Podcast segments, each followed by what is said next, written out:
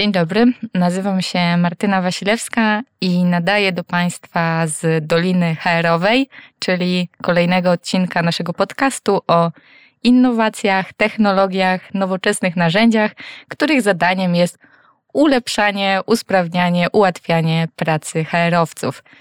Osobą, z którą będę dzisiaj rozmawiać, jest mój kolega z rekruter Bartek Klimaszewski, menadżer działu rozwoju produktu.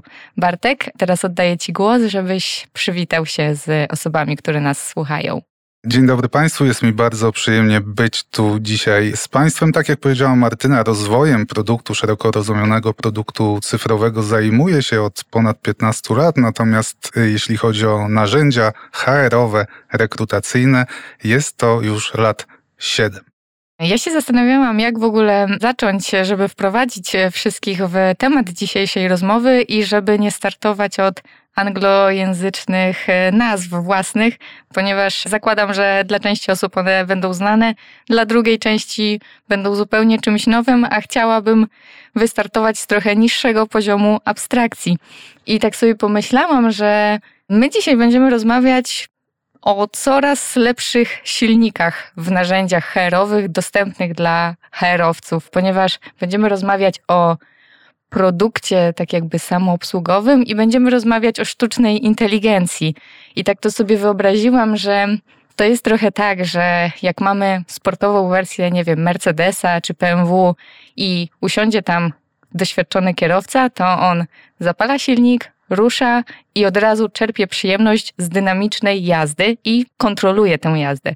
Natomiast jeżeli mniej doświadczona osoba wsiada za kierownicę i odpala silnik, to nią szarpnie i nią wyrwie. I często wyrywa ją trochę w nieznane i musi minąć trochę czasu, zanim będzie czerpać z tego przyjemność, zanim będzie mieć kontrolę nad tym, co się dzieje i zanim będzie osiągać dobre wyniki. A tak jakby te narzędzia, które są coraz lepsze, coraz bardziej intuicyjne, one już są. I o nich dzisiaj będziemy rozmawiać. Jak mądrze z nich korzystać, jak się ich nie bać, jak się na to przygotowywać. I pierwszym tematem będzie ten produkt led growth. Myślę, że ta idea się spodoba osobom, które lubią paczkomaty czy Netflixa, ponieważ są to aplikacje, są to usługi, które są w stanie zaspokoić jakąś naszą potrzebę i nie potrzebujemy do tego przy okazji angażować żadnych osób trzecich. Ale ja tutaj nie będę się rozwodzić nad paczkomatami, tylko oddam Tobie głos, jakbyś właśnie mógł wprowadzić naszych słuchaczy w tę ideę właśnie samoobsługowego produktu, samoobsługowego systemu. Jasne, oczywiście. Powiedziałaś o Product Led Growth. Product Led Growth jest strategią biznesową, która z jednej strony ma umożliwiać biznesom, organizacjom jak najlepszy, jak najbardziej dynamiczny rozwój, ale ten rozwój oparty jest o produkt i o doświadczenie klienta, użytkownika z danym produktem, daną usługą, daną aplikacją. Co to oznacza z punktu widzenia produktowego?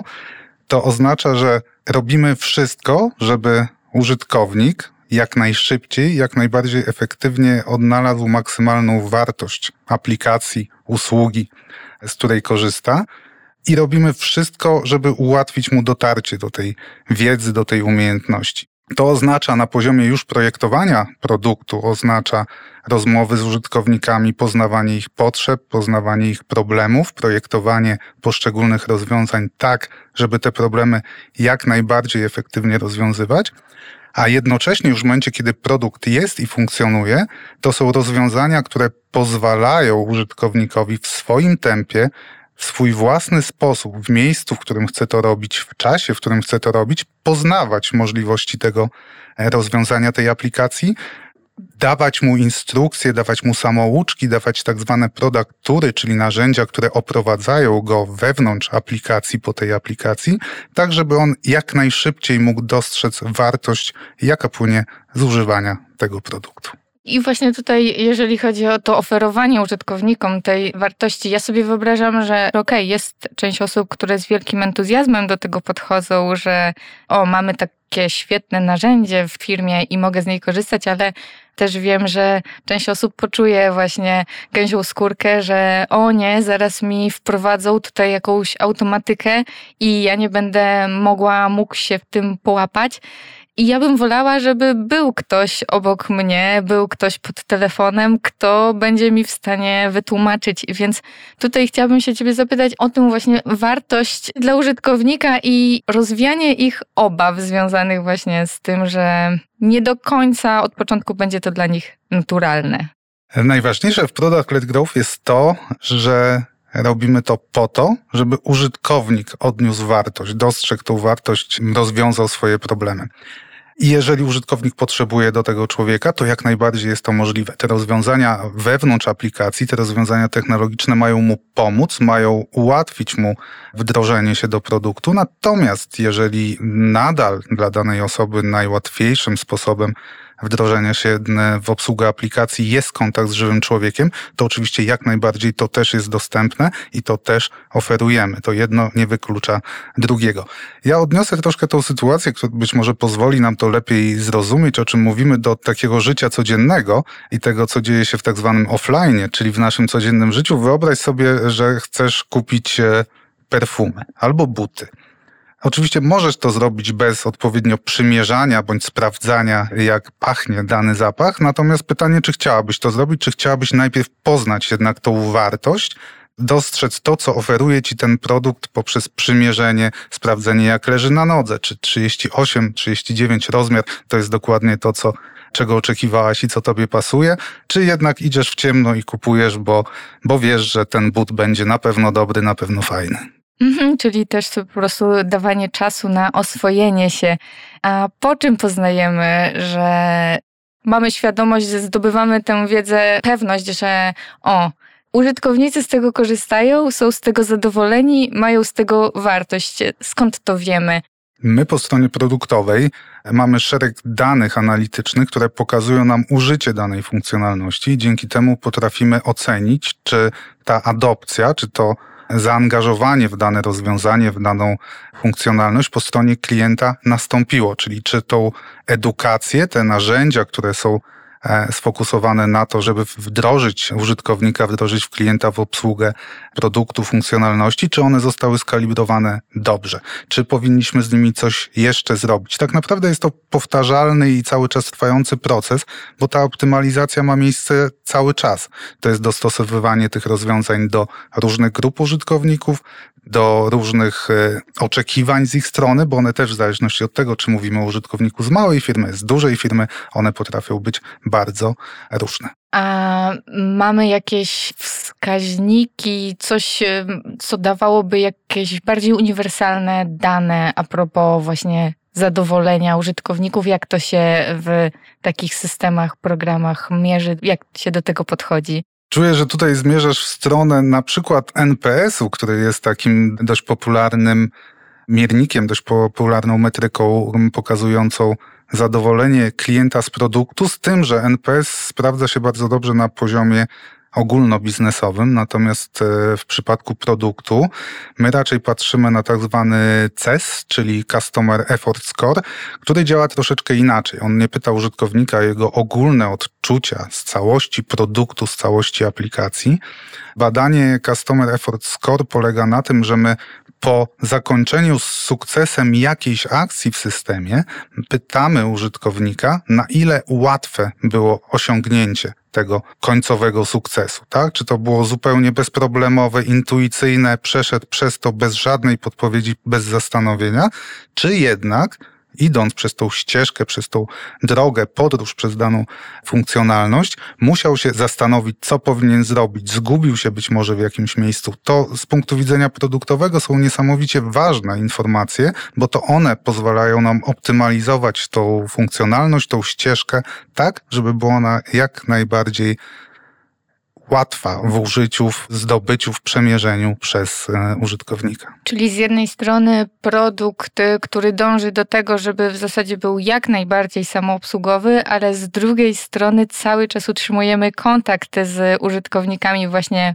poprzez e, te badania, poprzez te pytania, poprzez mierzenie tych wskaźników, poprzez patrzenie, jak zachowują się w systemie użytkownik w takim razie nie jest zostawiony sam sobie, tylko cały czas jest pod taką troskliwą opieką, która czuwa nad tym, że żeby mu w tym systemie było jak najlepiej. Oczywiście, jak najbardziej. To jest główny cel tych działań, bo tak jak powiedziałem na początku, Product Led Growth na tym się skupia, żeby użytkownik jak najszybciej, jak najbardziej efektywnie mógł korzystać z pełni funkcjonalności systemu.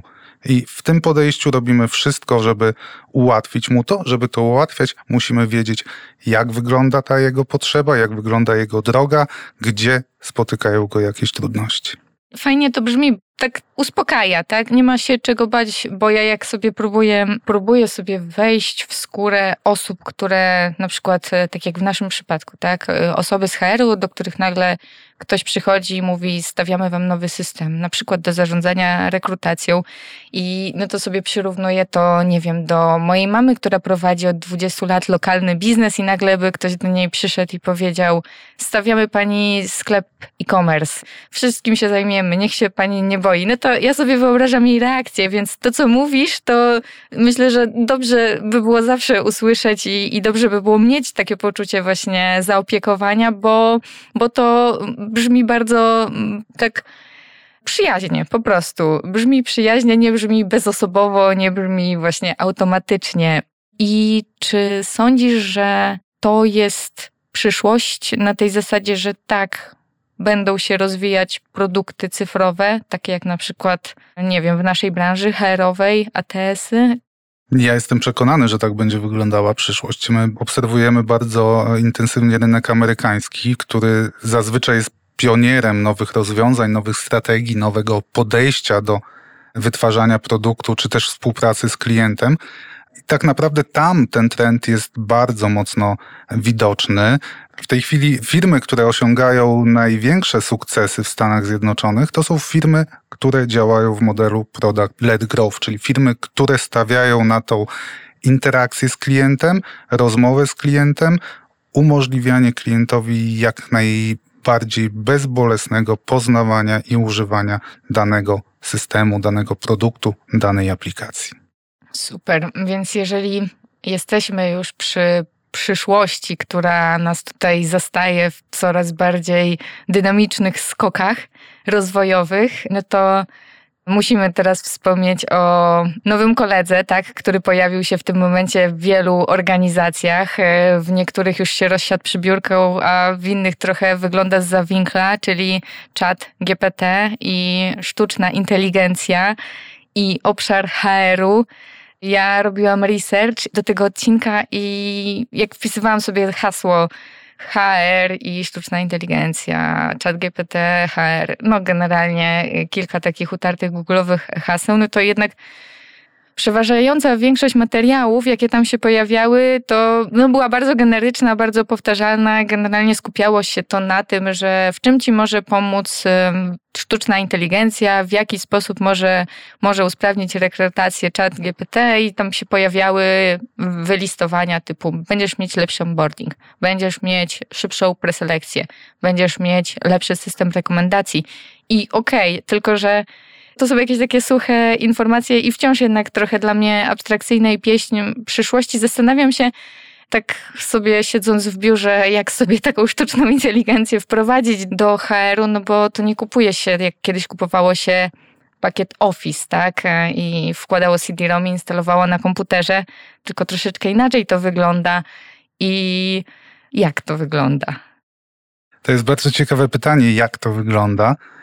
Myślę, że zacznijmy od tego, że jeśli chodzi o sztuczną inteligencję i to, co widzimy w tej chwili, to jest to na pewno moment przełomowy, bo prace nad sztuczną inteligencją, szeroko rozumianą, one trwają już od dziesięcioleci. nabrały e, szczególnej dynamiki w ciągu ostatnich 10-15 lat, kiedy powszechna komputeryzacja, informatyzacja poszła już tak daleko, że te prace mogły przyspieszyć i mogły nabrać tej dynamiki.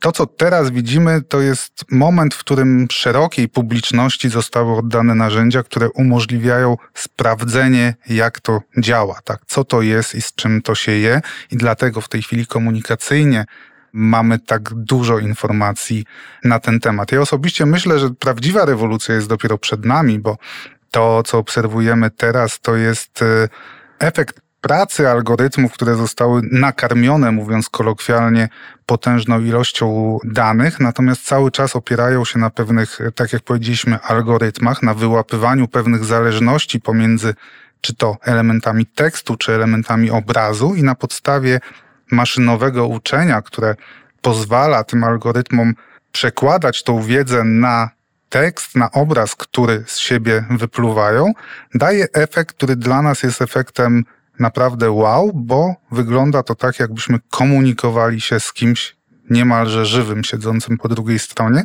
dysponującym tak naprawdę bardzo obszerną wiedzą. Sposób, w jaki wykorzystamy te rozwiązania, jest trochę zależny od nas. Tutaj kryje się za tym sporo wątpliwości natury moralnej, natury formalnej czy prawnej, bo nie wszystko w przypadku AI jest piękne i kolorowe i nie o wszystkim wiemy, nie wszystkiego mamy świadomość.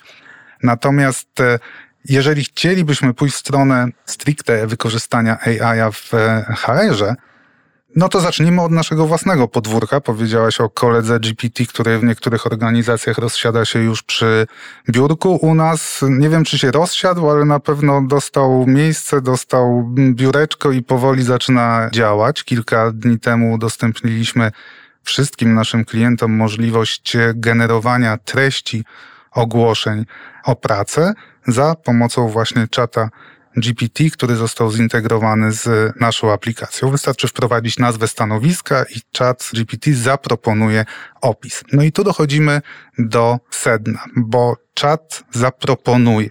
To jest słowo kluczowe, bo nie zakładałbym, że jesteśmy na tym etapie rozwoju sztucznej inteligencji, żeby ślepo zawierzyć efektowi pracy wykonanej przez nią.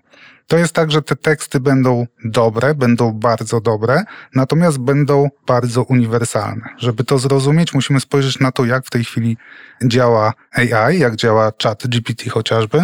On został zasilony w bardzo dużą bazę przeróżnych treści.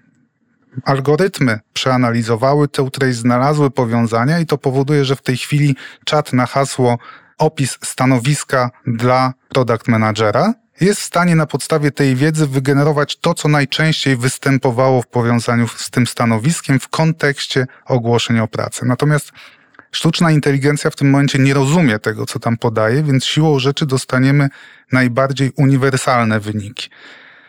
Czy one będą dopasowane do naszych oczekiwań, to zależy na ile nasze oczekiwania są standardowe. Jeżeli szukamy product managera, który zajmie się rozwojem produktu, współpracą z interesariuszami i dbaniem o backlog, to prawdopodobnie w 95% treść, którą wypluje nam chat GPT, będzie dla nas odpowiednia. Natomiast nie uwzględni informacji o tym, jakiego doświadczenia, w sensie ilu lat doświadczenia oczekujemy, bo tego nie będzie wiedział. Znajomości konkretnych programów, na których my pracujemy, prawdopodobnie też nie dostaniemy, bo nie zna tej naszej specyfiki, tego naszego indywidualnego warsztatu pracy w naszej firmie. Więc to są kwestie, które prawdopodobnie będziemy musieli do treści tego ogłoszenia dodać sami. Ja tak sobie o tym myślę, że właśnie rzeczywiście, tak jak zacząłeś, że dużo w tym jest wszystkim obaw natury właśnie etycznej, moralnej, i ja myślę, że po prostu my nie możemy zapominać tego, że tutaj sytuacja, układ ról powinien być taki, że człowiek, czy to będzie rekruter, czy to będzie menedżer, czy ktokolwiek, kto będzie miał do czynienia z, mm, z uczeniem maszynowym, narzędziami, które działają w oparciu o algorytmy, musi się traktować z pozycji przewodnika dla tego narzędzia, a nie odwrotnie, bo, bo myślę, że tutaj jak najbardziej i kompetencje, i wrażliwość, i doświadczenie, i empatia to są rzeczy, które musimy traktować jako niebywałą przewagę i musimy tak podchodzić do tego, a musimy podchodzić do tego, bo mam wrażenie, że rzeczywiście to nie jest nowinka techniczna, która przeminie, tylko to, to jest coś, co możemy porównać do, nie wiem, do 2007 roku, kiedy został pokazany światu iPhone. To zrewolucjonizowało telefonię mobilną, tak? Zrewolucjonizowało trochę korzystanie z internetu, spowodowało przyspieszony rozwój social mediów i zostało z nami i idzie dalej i, i ma się dobrze i rozwija coraz bardziej i ewoluuje i z, ze sztuczną inteligencją, która będzie dla nas dostępna, no myślę, że będzie tak samo. Ja samo po sobie widzę, że jakkolwiek zawsze jestem sceptyczna, albo nie tyle sceptyczna, co z rezerwą i pokorą podchodzę do takich narzędzi, jednak swojemu umysłowi chcę zawierzać bardziej, to jak pierwszy raz skorzystałam z czata GPT, no to poczułam motyle w brzuchu, że nagle poczułam, że o mój Boże, wreszcie wiem, po co było te kilkadziesiąt lat nawarstwiania się treści wiedzy w internecie, bo teraz zaczynamy mieć narzędzia, które są w stanie je szybciej ode mnie przetworzyć i skondensować. Więc myślę, że właśnie trzeba się z nimi oswajać, polubić, ale właśnie nie można spuszczać tej gardy przewodnictwa, bo tutaj jak jesteśmy przecież w rekrutacji, to możemy też, nie wiem, przejść do tego częstego zarzutu albo obawy, czyli że chat GPT będzie powtarzał jakieś e, nieprawdziwe informacje albo stereotypowe. Jest case, przypadek Amazona z, sprzed kilku lat, gdzie pracowali nad własnym czymś ala system rekrutacyjny, gdzie rekomendowali, chcieli, aby algorytmy spośród tysięcy CV, jakie dostawali, otrzymywali na różne stanowiska, czy to techniczne, czy, czy magazynowe, po prostu algorytm za nich wypluje pięć najlepszych i oni będą rozważać pięciu, a nie dwustu kandydatów i kandydatki. No i potem po testach okazało się, że rekomenduje głównie mężczyzn, ponieważ e, uczył się na bazie wewnętrznej Amazona, a tam po prostu przeważająca była ilość aplikujących mężczyzn. E, więc też się musieli troszeczkę z tego wycofać. No i właśnie myślę, że też to jest takie wyzwanie dla człowieka, żeby to przeczuwać. Jak byś się do tego odniósł? Mi się bardzo spodobało to słowo przewodnik, którego użyłaś, bo to dokładnie tak wygląda. Odpowiedź, którą otrzymamy od sztucznej inteligencji, od czata GPT, od Barda pochodzącego od Google'a, czy od jakiegokolwiek innego narzędzia, będzie tak dobra, jak dane wejściowe, którymi dany system został zasilony.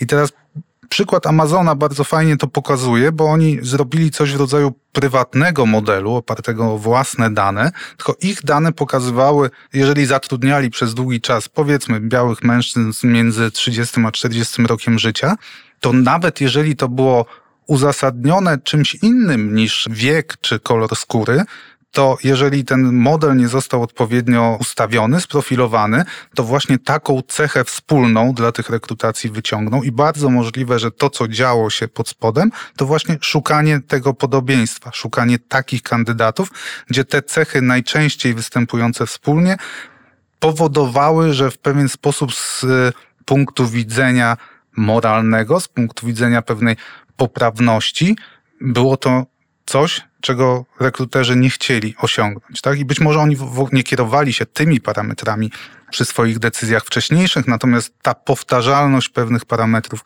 została przez e, sztuczną inteligencję wyłapana, uznana za występującą często, czyli oczekiwaną poprawną, no i powielana już w działaniach samego AI. Więc dane wejściowe, są chyba kluczowym elementem, bo powiedzieliśmy też o prawdzie, tak, i weryfikacji tego, co wypluwa nam e, AI. Po raz kolejny czat nie wie, czy on mówi prawdę, czy on mówi nieprawdę. On podaje informacje, które dla danego zapytania najczęściej występowały w jego bazie, są najbardziej prawdopodobną odpowiedzią. To, że coś jest najbardziej prawdopodobne, nie oznacza, że jest prawdziwe.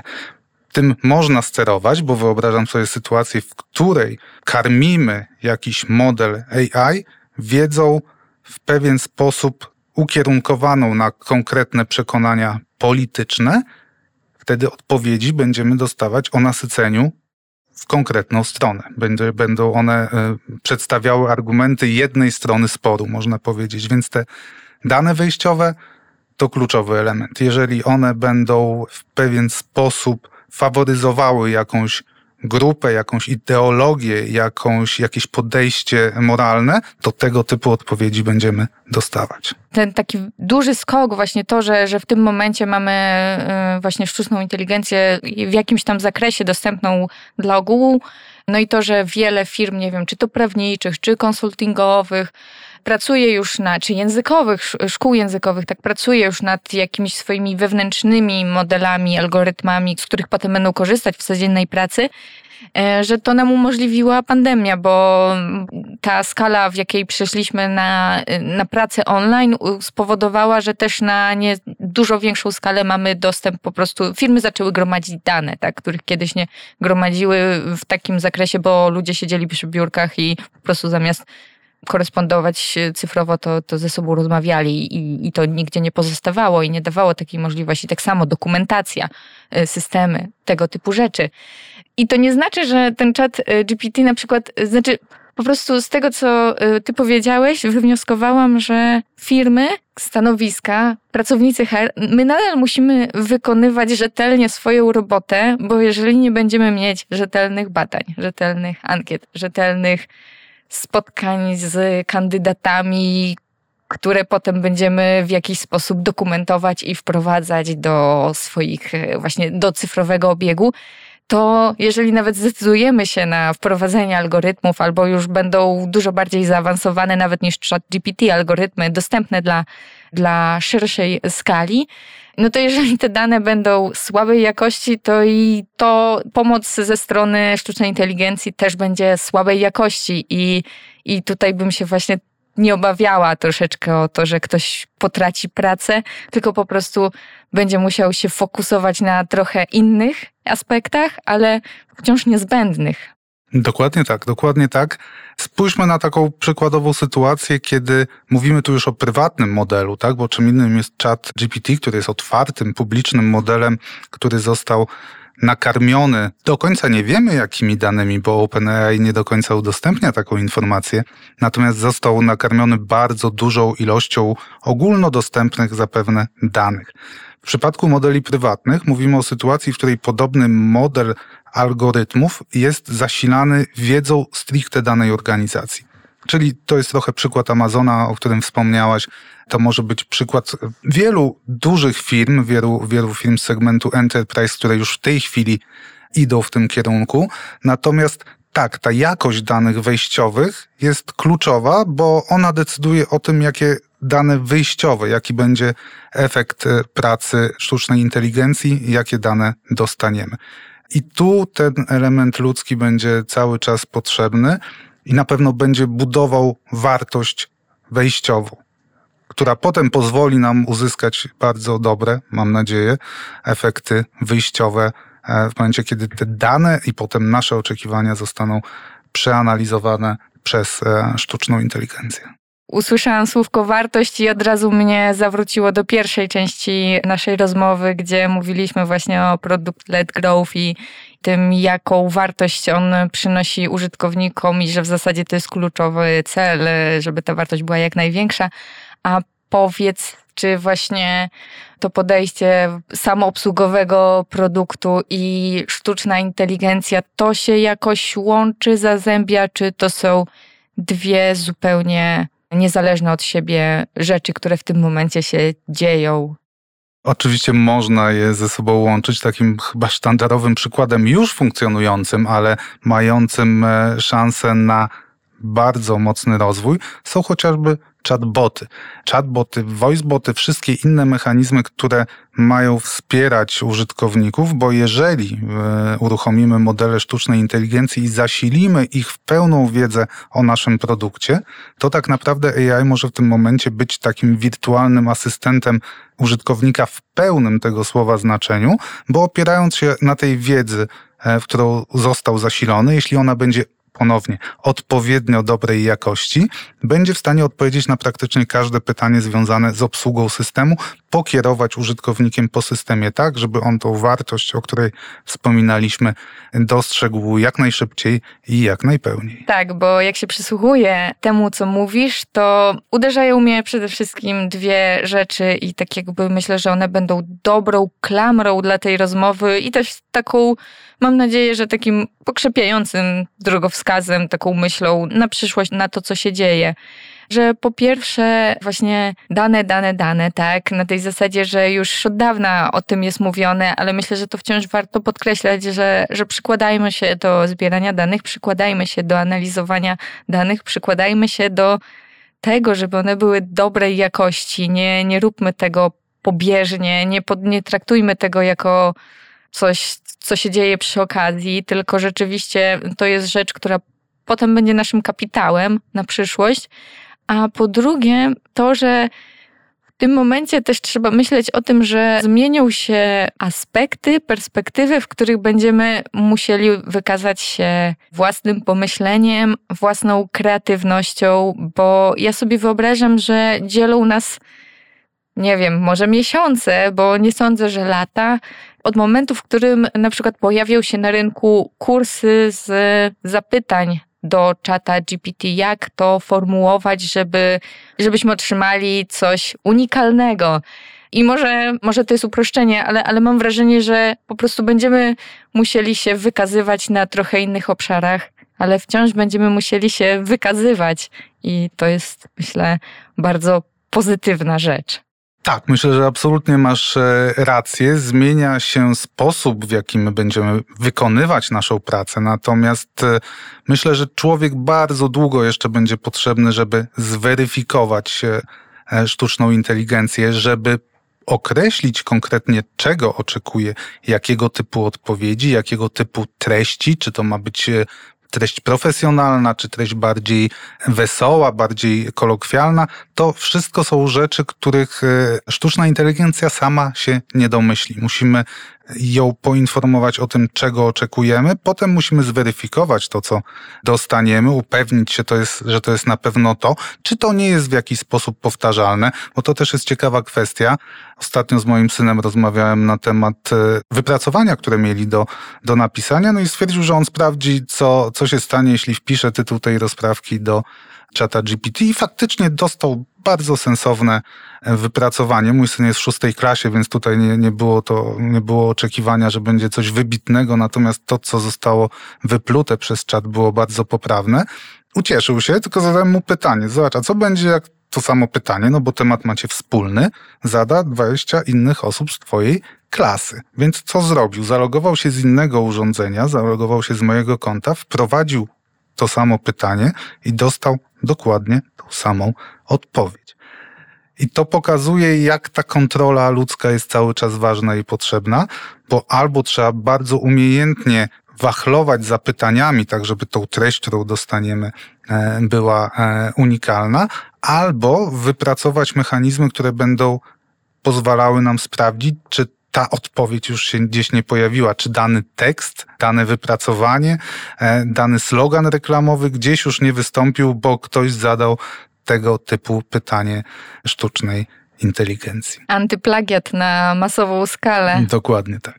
Dokładnie tak. Natomiast myślę, że rozmawiamy o tym, powiedzieliśmy kilkukrotnie, że jesteśmy u progu rewolucji i ta rewolucja już się dzieje, bo jeżeli spojrzymy troszkę dalej niż e, HR, to w tej chwili sztuczna inteligencja naprawdę ułatwia życie, a czasem wręcz ratuje życie już teraz. Zaczynając od tych prostszych rzeczy, w tej chwili siedzimy, siedzimy, rozmawiamy, nagrywamy, nagrywamy ten podcast, natomiast są już mechanizmy, które pozwalają na to, żeby zasilić je próbkami głosu konkretnych osób, a potem wprowadzić treść rozmowy i te mechanizmy są w stanie przeprowadzić naszymi głosami, wyobraźmy sobie, że, że mówimy o nas, są w stanie przeprowadzić naszą rozmowę naszymi głosami zgodnie ze scenariuszem, który został zapisany w Wordzie. Mogłoby nas tu nie być, a ten, ten podcast mógłby powstać. Jeżeli jesteśmy przy tym próbkowaniu głosu, to ta technologia może być i też niedługo będzie wykorzystywana na przykład przy filmach. Wyobraźmy sobie, że mamy nowy hit kinowy, powiedzmy, z Bradem Pittem. No i Brad Pitt oczywiście mówi po angielsku. My w Polsce mamy albo napisy, albo lektora, ewentualnie dubbing. Tak? Nie, nie, nie słyszymy Brada mówiącego po polsku.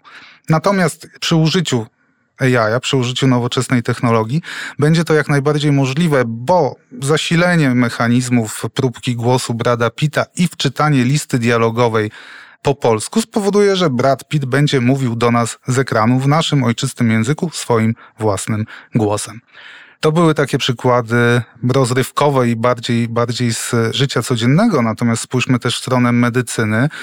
Już teraz są prowadzone badania, w których AI jest zasilany obrazami rentgenowskimi, e, obrazami USG różnych pacjentów z różnych okresów ich życia, ma wiedzę, dla których z tych pacjentów, w którym okresie ta historia choroby zakończyła się w sposób nieprzyjemny, jakąś chorobą, e, nowotworem, powikłaniami. I teraz, mając odpowiednio dużą bazę takich danych, oczywiście te dane są anonimizowane, bo to też jest ważne, aczkolwiek mając dużą bazę takich danych, AI jest w stanie z wyprzedzeniem wskazać osoby, u których występuje ryzyko tego, że wcześniej czy później dana choroba się pojawi. Człowiek, patrząc na pozornie poprawny obraz badania, nie jest w stanie tego dostrzec, ma za małą próbkę danych, która pozwalałaby mu na przewidzenie pewnych sytuacji. AI zasilony w dziesiątki, setki tysięcy takich historii chorób jest w stanie stosunkowo wcześnie wyłapać potencjalny rozwój na przykład nowotworu, zanim on de facto nastąpi. To jest tak naprawdę coś, co już wkracza obszar wczesnego ratowania życia. To już jest e, wejście na zupełnie inny poziom funkcjonowania i przewidywania pewnych rzeczy. Tak, to jest tak jakby cały dodatkowy sztab asystentów czy specjalistów, e, dla których z różnych względów, e, przede wszystkim pewnie finansowych, e, no nigdy nie, nie można sobie pozwolić. No to jest jednak niesamowita demokratyzacja tak jakby dostępu do do dużej ilości danych i czasu, jaki potrzebuję. Normalny człowiek potrzebowałby, żeby je przejrzeć, e, zanalizować, e, zauważyć e, części wspólne. Wyciągnąć wnioski, dokładnie. Ta, dokładnie. To tak jak tutaj może przejdę do nawiązania z popkultury, ale jednak ono dobrze, myślę, odniesie się do tej demokratyzacji, bo mm, w tym roku Beyoncé zgarnęła bardzo dużo nagród Grammy za swój ostatni album i potem się pojawiły takie głosy, że no dobrze, ale jej hit napisało ona plus 24 czy iluś tam innych pisarzy, więc, więc tak jakby no, każdy, kto by miał dostęp do 24 dodatkowych pisarzy, no napisałby tak świetny hit. I tutaj mam wrażenie, że po prostu dostajemy dostęp do, do takiego wirtualnego sztabu właśnie analityków, tak to można nazwać, co jest krzepiące, nie wiem, co jest interesujące i myślę, że pozytywne. Myślę, że takim pozytywnym akcentem możemy domknąć dzisiejszą naszą rozmowę. To mówię ja, Martyna, prawdziwa Martyna, nie, nagry, nie są to próbki głosu naszego, więc tutaj, tutaj Państwu zapewniam, że na żywo to nagry, znaczy na żywo, że to nagrywa, nagrywają żywe osoby. Bartek, serdecznie dziękuję Ci za tę rozmowę. Dla mnie była bardzo ciekawa i bardzo otwierająca poszerzająca perspektywę, więc liczę na to, że dla osób, które słuchają i chcą się czegoś więcej dowiedzieć, to też będzie ona inspiracją. Jasne, dziękuję bardzo. No i zachęcam do pozostania w temacie, bo na pewno AI nie jest czymś, co pojawiło się i zaraz przeminie. Będziemy coraz więcej i więcej interakcji z tą nowością obecnie ze sztuczną inteligencją mieli w przyszłości i na pewno będzie ona wpływać na nasze życie, więc warto wiedzieć w jaki sposób i warto wiedzieć, co tak naprawdę kryje się za tym hasłem i na co być może warto uważać i zwracać uwagę. Dzięki. Dziękuję.